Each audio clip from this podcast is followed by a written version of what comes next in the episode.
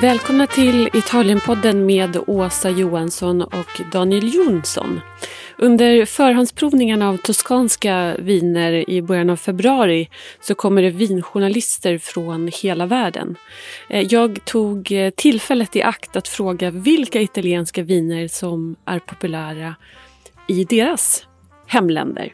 Hör vad de har att säga i det här avsnittet. Ciao, ciao! My name is Charlie Arturaola. I'm from many, the wine actor, for others, a real wine guy that uh, worked as a sommelier in America for almost 30 years. So that's simple as that. So, which Italian wines are most popular in the States right now? Which Italian wines? You know, we, we this is a great question in a time because we're still in February. As you probably know, we just signed off on the tariffs last week on Thursday that they're not going to happen as the way they were going to happen, like a 100% increase. So, that was Trump's idea. He, it was a threat, well, right? It's, it's a Trumpian idea. Of course, we cannot get into that. But I have to say that we're so lucky in terms of that some of the wine countries are going to benefit, and the one is Italy.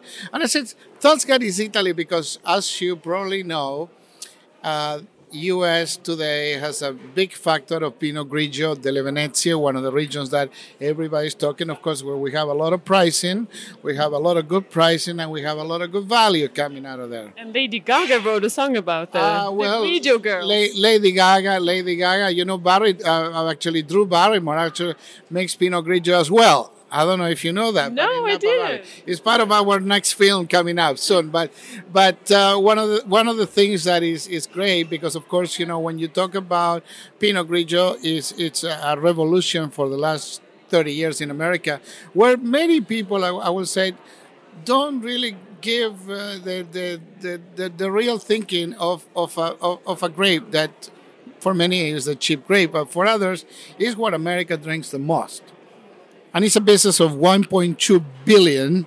Crazy money. Crazy money. But that tells you what we drink today. We look for the good value wines. We look for the regions that probably they're known, but they have other grapes. Of course, because if we say Veneto, yes, Prosecco is still hot. Uh, there's Proseccos out there that they go up to $30 because, you know, Champagne moved to almost 90 so that tells you more or less between 14 to, you know, we're talking about a country that super premium price is between 14 and 18 dollars. The premium is between 11 and 14. So when you talk about, you know, what are the trends today? Uh, the unknown regions of Piemonte, of course, uh, I, I will say that one of the great things that can happen mostly to this part of the world, which is Toscana, which is Montalcino, is the Rosso di Montalcino, the best value, the best $25 bottle of wine. And then you have Le Marche. And then you have, of course, uh, the South. You, you know, Etna is hot everywhere, probably mostly in the San Francisco Bay Area, mostly in California. New York is still strongly Toscana with Chianti Classic, of course. And, and I have to say, when we talk about, you know, the DOC and the DOCG and the IGTs, um, Bolgheri and the coast, you know, it's something that many years ago, me working as a as a wine buyer, as a sommelier, I will cause the, the, the Grand Cru of Maremane or Il Cru della Costa, come you know, I used to call it that way because there's a great Cabernet coming uh, coming out from there. There's a good Merlot. I heard a little bit ago uh, that there's some in Maremma coming up, some Malbec as well, and and that you know that's what um, America is drinking today. The new things out of Italy under twenty dollars. So because of one thing, we're afraid with so many news about you know the new increase of pricing but of course, you know, the Grand Cru from uh, Barolo and the great Brunello di Montalcinos and the great Amarones that always be there. Me, if I have to say, if you tell me something from Veneto besides white wine, Rosso Veronese. That's what really people drink because also they're affordable. And more or less today, I would say the Americans with good palate, they understand where the good value is of Italian wines, which grazie a Dio, like you say in Italiano.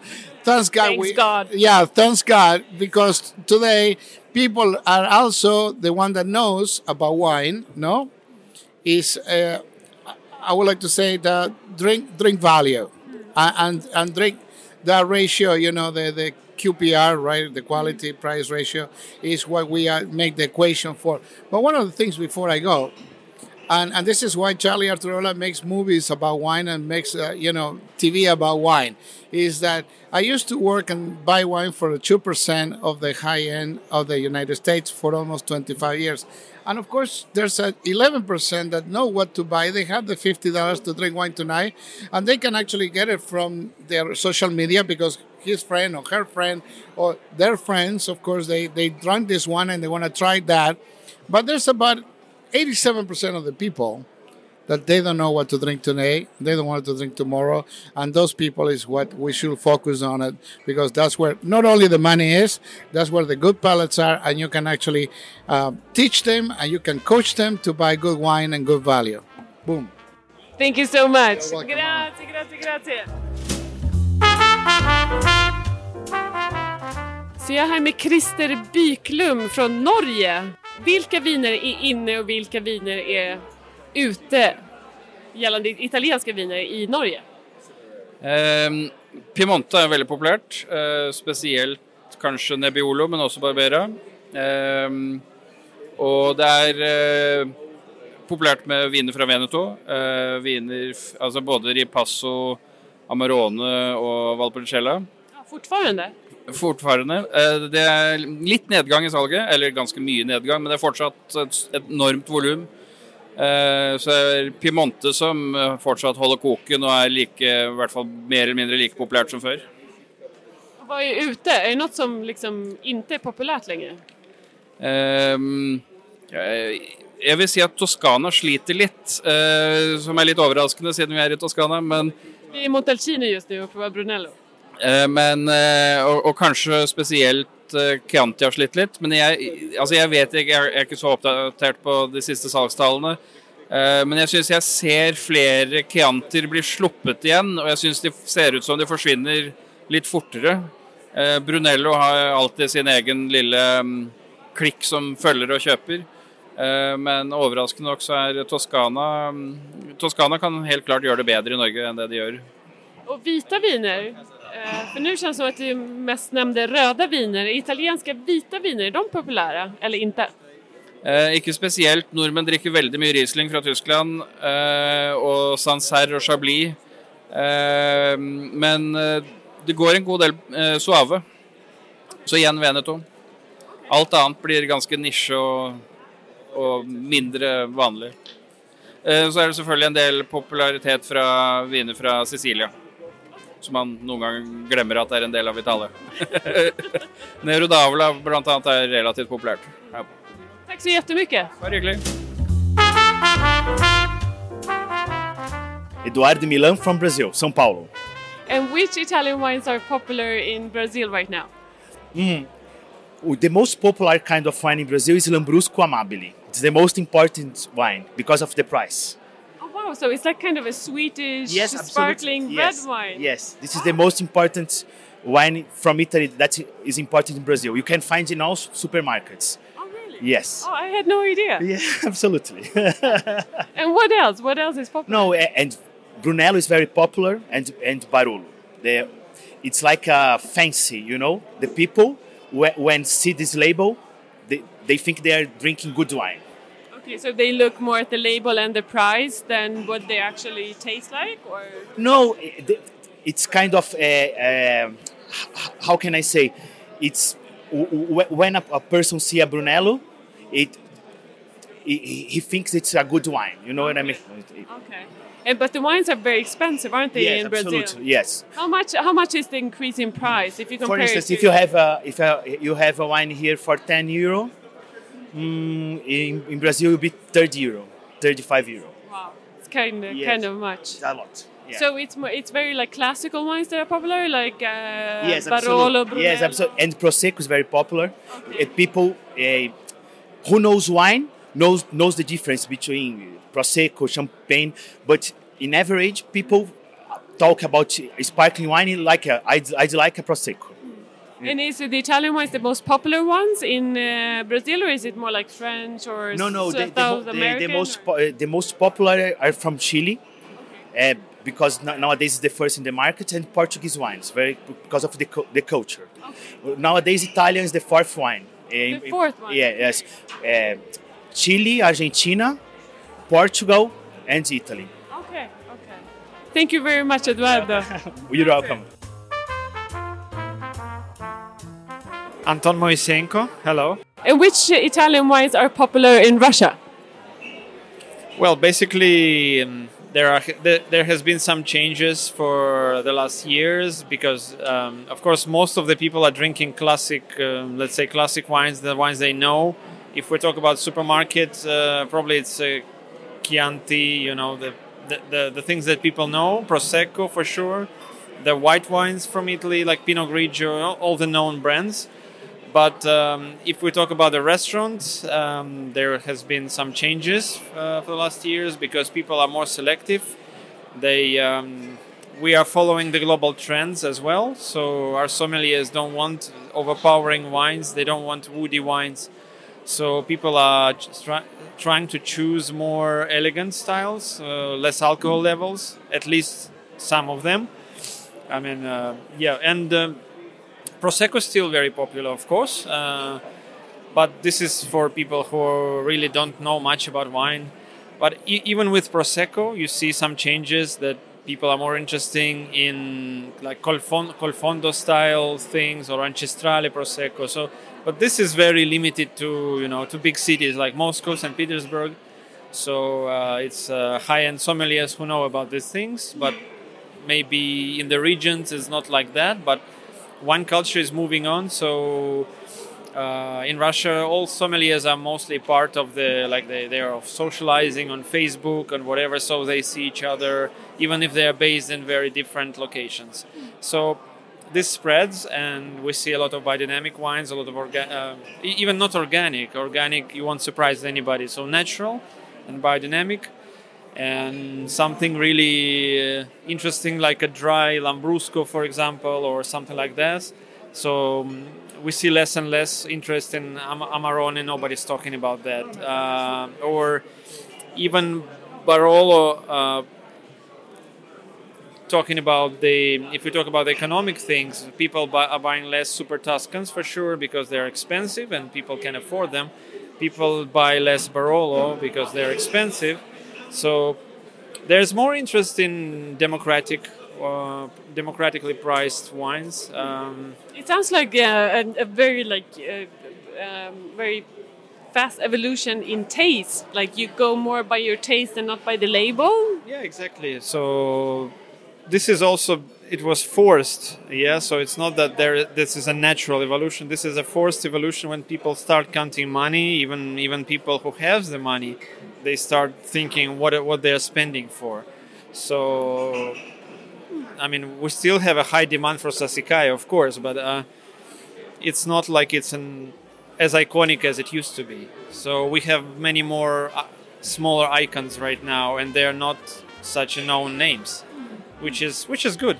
Yeah, for sure. Yeah. Thank you so much. Okay, you're welcome.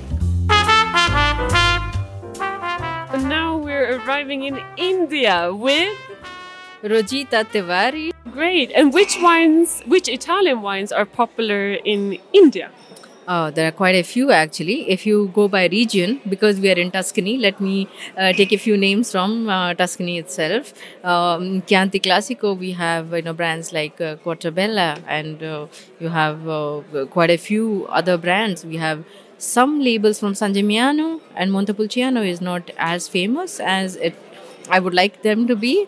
Uh, but Brunello is very famous. We have Poggio di Sotto, we have Col d'Orcia, we have uh, um, quite a few other names, Banfi and Babi, and um, yeah, qu- quite a number of them actually. Yeah. And other regions? Are there other regions that are popular too in India? We do have a lot of Proseccos. We do have a couple of Sicilian wines, some wines from Puglia, and um, some from Veneto. Yeah. But is it is is mm, is it Italy that is the most famous one country, or is it like in India? Do they prefer like uh, other countries? Uh, the, the biggest imported wine, uh, you know, uh, category uh, actually belongs to France and Italy, and then comes Australia. So That's these are the three major imported uh, wines that are drunk in India.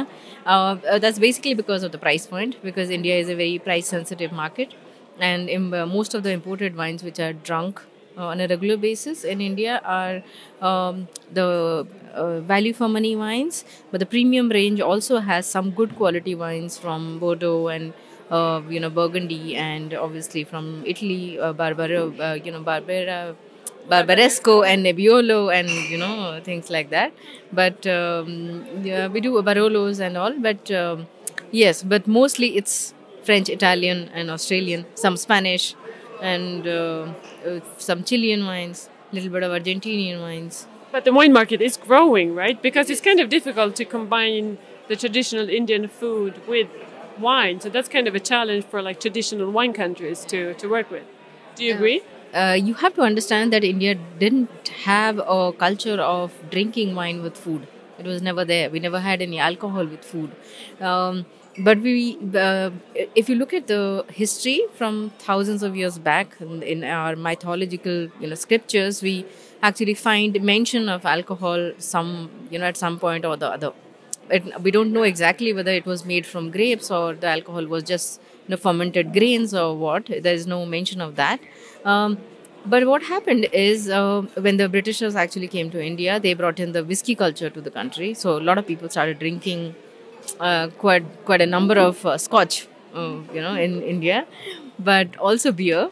Uh, the wine culture came in much later. There was a very few uh, French wines and which were drunk in the earlier times, maybe Italians and French wines, but um, in the last few years, our own wine industry has evolved in 30 years which is basically the oldest vineyard would be around 30 year old in India. And um, yeah, with that, actually, our local producers are there and quite a number of imported wines who entered the Indian market. Uh, the consumption per capita is still very small, but the growth is double digit. It's around 20 to 25 percent uh, right now, and the, and that's and, and we hope that is keeps it's growing. growing. Yeah. And how many liters do you know? How many like how much a single person drinks a year in India? Uh, it, it won't be more than two tablespoons. Oh my god! we have to work on that. You have to understand that it's a 1.3 billion population I know, country, but not everybody drinks. yeah, so two spoons per person yeah. a year. Oh my god! Have to work on that. Yeah. Thank you so much. Thank you. Thank you so much. Susan Hulme is a master of wine, specialized in Italian wine and writes for Decanter, living close to London. And what is in and what is out um, in Italian wine in England? Okay, well, extremely popular still uh, is Prosecco. Prosecco for the general public um, has become extremely fashionable, uh, has been for the last couple of years. I suppose because it's relatively inexpensive it's kind of pretty or joyful. People enjoy it anyway, not too demanding, and they can have it as a midweek sparkling wine. Um, still, of course, Pinot Grigio has been very popular and it continues to some extent. Um, and that's sort of the mass market level. But then if you look at more of the niche market and this sort of, and the um, real aficionados or people who are passionate about Italian wine. Then, of course, there is Barolo. Nebbiolo in general is extremely popular. So, Nebbiolo de Langhe, less expensive, more accessible, fruitier versions, um, uh, are also very popular. So, um, Barolo, to some extent, Barbaresco uh, also. Um, I think um, Sangiovese, Chianti, of course, is extremely popular. Uh, and um, to some, again, with the people who are more maybe more seriously intro into wine drinking or Italian wines, Brunello and the and the more powerful or more tannic structured wines. But very classical Italian wines in a way. Yes, yes. Uh, at the same time, there's also a different movement. Um, it's good to remind me of that actually, which is um, wines from Sicily that on the supermarket level, there'll be quite a lot from the south of Italy, uh, Primitivo, uh, uh, Sicilia, you know, Grillo. Grillo was very fashionable. He's very fashionable in London. Um, what else? some of the reds, Nero d'Avola. Also, actually, I've just recently written an article on the Abruzzo, which comes out in, the, in April. And to my surprise, the main consortio told me that there's a dramatic increase in sales to the UK, something like 259%. That's a lot. Which was almost unbelievable. I, I did uh, kind of question them a few times about that. But um, so Montepulciano uh, as a grape variety and, uh, and some of these more indigenous whites like Pecorino and Passerina. And actually, when I was researching the article and just wanting to find what was available, I found that most of the leading supermarkets had a Pecorino in some form, which surprised me a little. Yeah. Um, so those have become very trendy. Hmm. Thank you very much, Susan. You're welcome. Thank you.